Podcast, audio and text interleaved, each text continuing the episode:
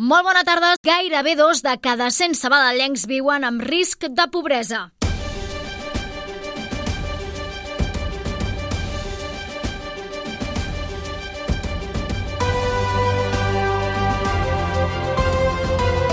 Notícies migdia. Núria Garcia.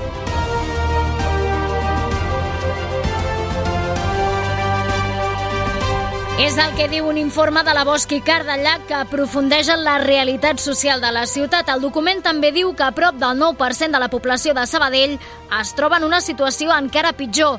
Eduard Jiménez, membre de la Comissió d'Economia i Ciències Socials de la Fundació, n'ha parlat avui al Cafè de la Ràdio. Estan per sota d'una renda de 7.500 euros a l'any. Per, per unitat de consum, que es diu que no és ben bé per persona. Això és un 8,8% de la població de la població de la ciutat, no? La particularitat, no a Sabadell, sinó arreu, és que això està molt concentrat eh, territorialment. Les desigualtats són més o menys en funció dels barris i aquí no hi ha sorpreses. Camp Puiggener és el territori amb un índex de pobresa més alt, mentre que el centre és on més població rica es concentra. De seguida hi aprofundim, abans us avancem altres temes, com ara les novetats en el projecte de l'art tèxtil, que ja s'han obert les inscripcions per a la cursa Corro contra el càncer o que ja s'han presentat els actes per celebrar el Carnaval 2024. Notícies migdia la informació en 15 minuts. Els serveis. Comencem repassant la situació a les carreteres catalanes on la situació és força complicada a conseqüència d'aquestes mobilitzacions per part dels pagesos catalans. A aquesta hora continua l'afectació a la C-17 a la zona de Gurb, també en direcció a Vic i també continuen tallades, per exemple, autovies com la A2. Per tant, de seguida repassarem què és el que impliquen totes aquestes mobilitzacions eh, per les quals ara mateix hi ha moltes afectacions i hi ha dificultats per circular al llarg de la xarxa viària catalana. Pel que fa al transport públic, com funciona a aquesta hora? Àlex Cubells, molt bona tarda. Què tal? Doncs a hores d'ara informem que derivat d'una incidència entre plaça Catalunya i Fabra i Puig, els trens de les línies de Rodalies R1, R3, R4, R12 i RG1 circulen amb demores que poden superar els 30 minuts. També destaquem que des de diumenge dia 4 ja està restablert el servei ferroviari a la línia R3 de Rodalies entre Parets del Vallès i el Figaró. Després, recordem, d'uns mesos tallats per obres. Tot i haver-se recuperat els horaris habituals, sí que puntualment poden haver-hi demores i reajustos del servei. També destaquem una afectació de menor impacte, i és que el telefèric de Montjuïc tanca fins al diumenge 25 de febrer per tasques de manteniment, i per tant, l'alternativa d'accés en transport públic a Montjuïc que s'ofereix és la línia 150 de bus, també de TMB. Pel que fa a la resta de la xarxa, parlem de normalitat, així que, de moment, això és tot des del Transmet. Bon dia. La notícia del dia. Un 15% de la població de Sabadell està en risc de pobresa. Això ho recull un informe de la Fundació Bosch i Cardellà que, que es presentarà aquesta tarda. Les desigualtats, però, s'accentuen en funció del territori on viuen les famílies, en vuit barris on hi ha una gran concentració de gent en situació de vulnerabilitat. L'índex socioeconòmic territorial de l'IDESCAT constata que Can Puiggener és el barri més empobrit de la ciutat. Pau Duran, bona tarda. Bona tarda, Núria. Entre els factors que més hi contribueixen hi ha el volum de persones estrangeres procedents de països de renda baixa que hi viuen, que els treballadors són de baixa qualitat o la que població jove sense estudis postobligatoris és molt alta. En canvi, els barris amb més oportunitats són el centre, tot i que també hi ha diferències per zones i Can Llong. Així ho ha destacat l'economista Eduard Jiménez en una entrevista al Cafè de la Ràdio. Un dels barris menys desiguals internament en a la ciutat és Can Llong. Eh, I Can Llong és, una, és, un dels, és un barri que està que és un barri extrem, per dir-ho així, eh, del perímetre mm. de la ciutat, eh, que no està eh, pas en el...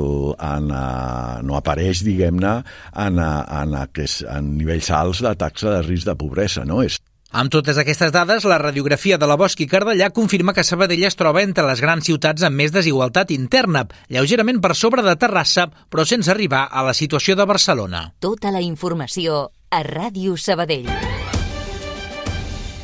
Ha adjudicat el projecte per dissenyar el projecte de rehabilitació de l'antiga fàbrica Artèxtil, l'immoble de convertir-se en la seu del campus urbà de Ciències de la Vida i la Salut de Sabadell a partir del curs 2026-2027. S'espera que el projecte constructiu estigui enllestit al llarg d'aquest any. Així ho ha indicat en una entrevista al Cafè Javier Lafuente, rector de la Universitat Autònoma de Barcelona, a la institució de la qual dependrà el nou campus. Lafuente també ha confirmat que la primera fornada de l'Escola d'Infermeria, que també s'ha d'ubicar a l'Artèxtil, començarà a estudiar a Sabadell al curs 2024-2025. L'important és que aniran a, a Sabadell ja, tenim tots els espais a, a, a l'edifici de l'Emprius, però tenim tot preparat i previst perquè no hi hagi cap problema i puguin els estudiants fer la part de formació. La unitat docent funcionarà de la mà del Parc Taulí. Del qual parlem ara precisament perquè el nombre d'infants i joves que arriben a la unitat de crisi d'aquest hospital per addiccions a les pantalles a Natalal s'arriben a suposar la meitat dels atesos en aquest servei. Karen Madrid, bona tarda. Bona tarda. El perfil d'atesos sol ser el de pacients amb TEA o TDAH que arran d'un canvi d'etapa educativa es comencen a aïllar i a buscar a les pantalles el que la realitat no els hi ofereix.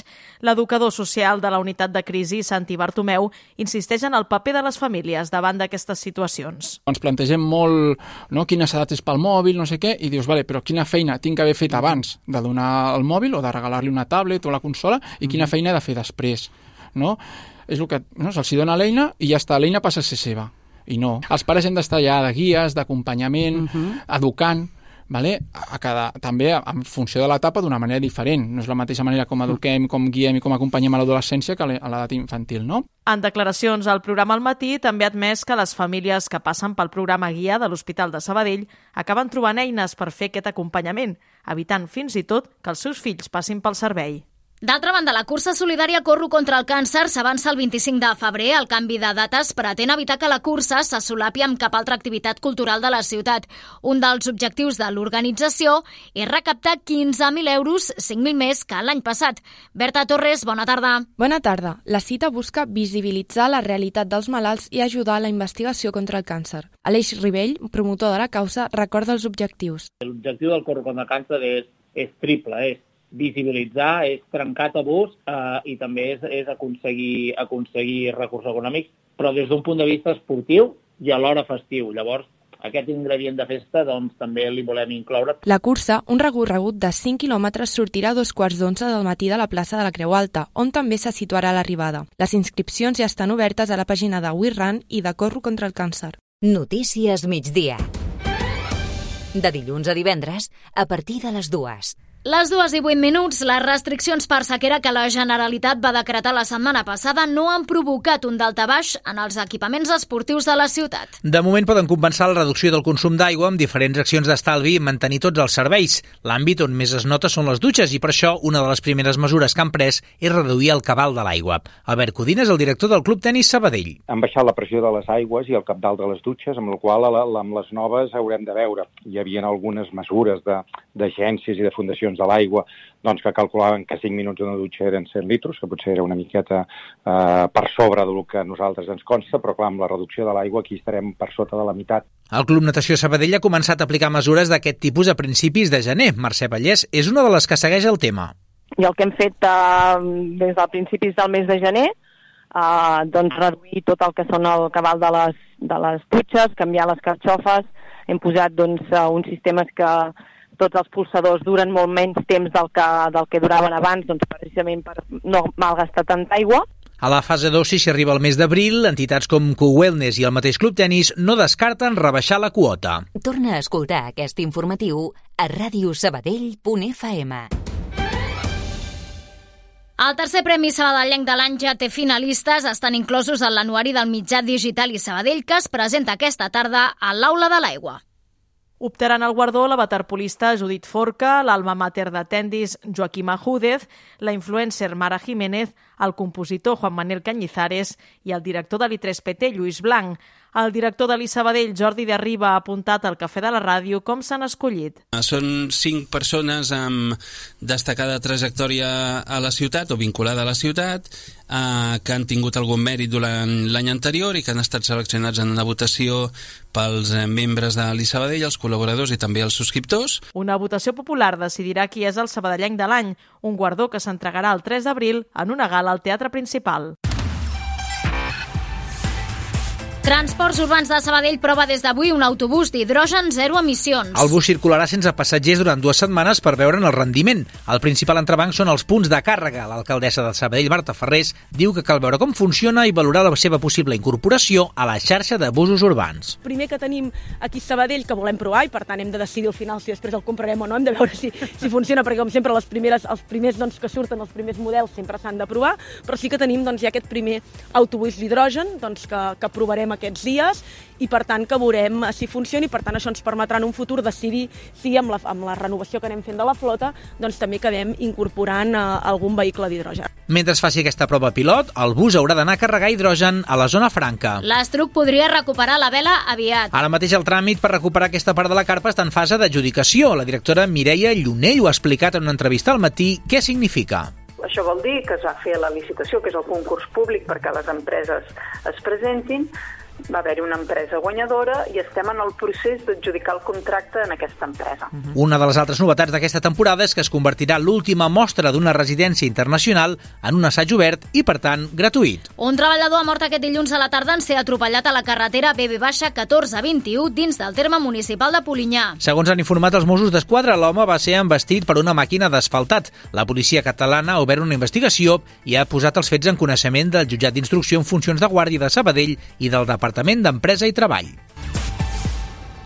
Mercats, escoles, barris, Ajuntament i Disbauxa ja ho tenen tot a punt per l'arribada del. Carnaval, carnaval.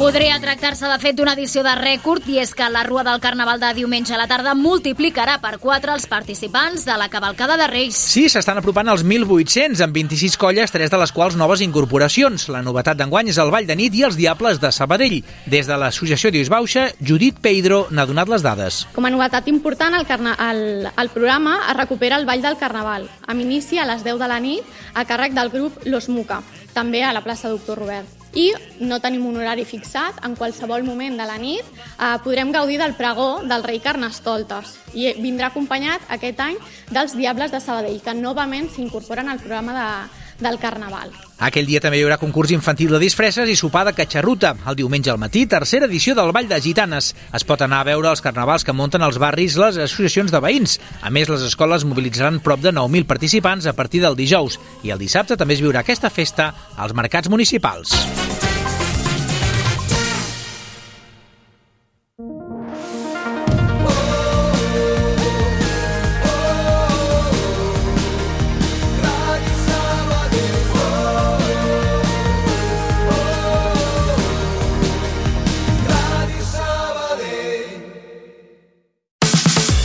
Coneixes l'app de Taximés? Descarrega-te-la i reserva un taxi còmodament des de la nostra app. Més informació a taximessapp.com. Taxi!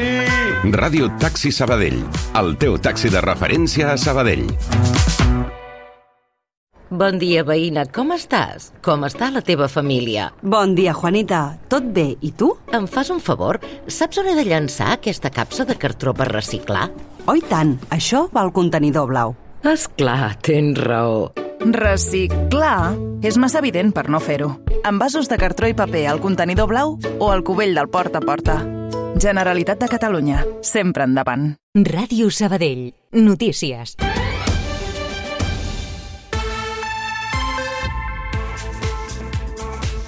I comencem amb una última hora sobre el cas Tsunami Democràtic perquè els fiscals del Suprem han decidit imposar el seu criteri i investigaran a Puigdemont per terrorisme en el cas de Tsunami Democràtic. Per tant, se sumen a les tesis del magistrat Manuel García Castellón i s'enfronten també, en aquest cas, al criteri del fiscal general de l'Estat, Álvaro Redondo, que s'havia posicionat en contra d'investigar Puigdemont per terrorisme. També ho havia fet el president Pedro Sánchez, que havia dit que l'independentisme no es podia eh, comparar amb el terrorisme.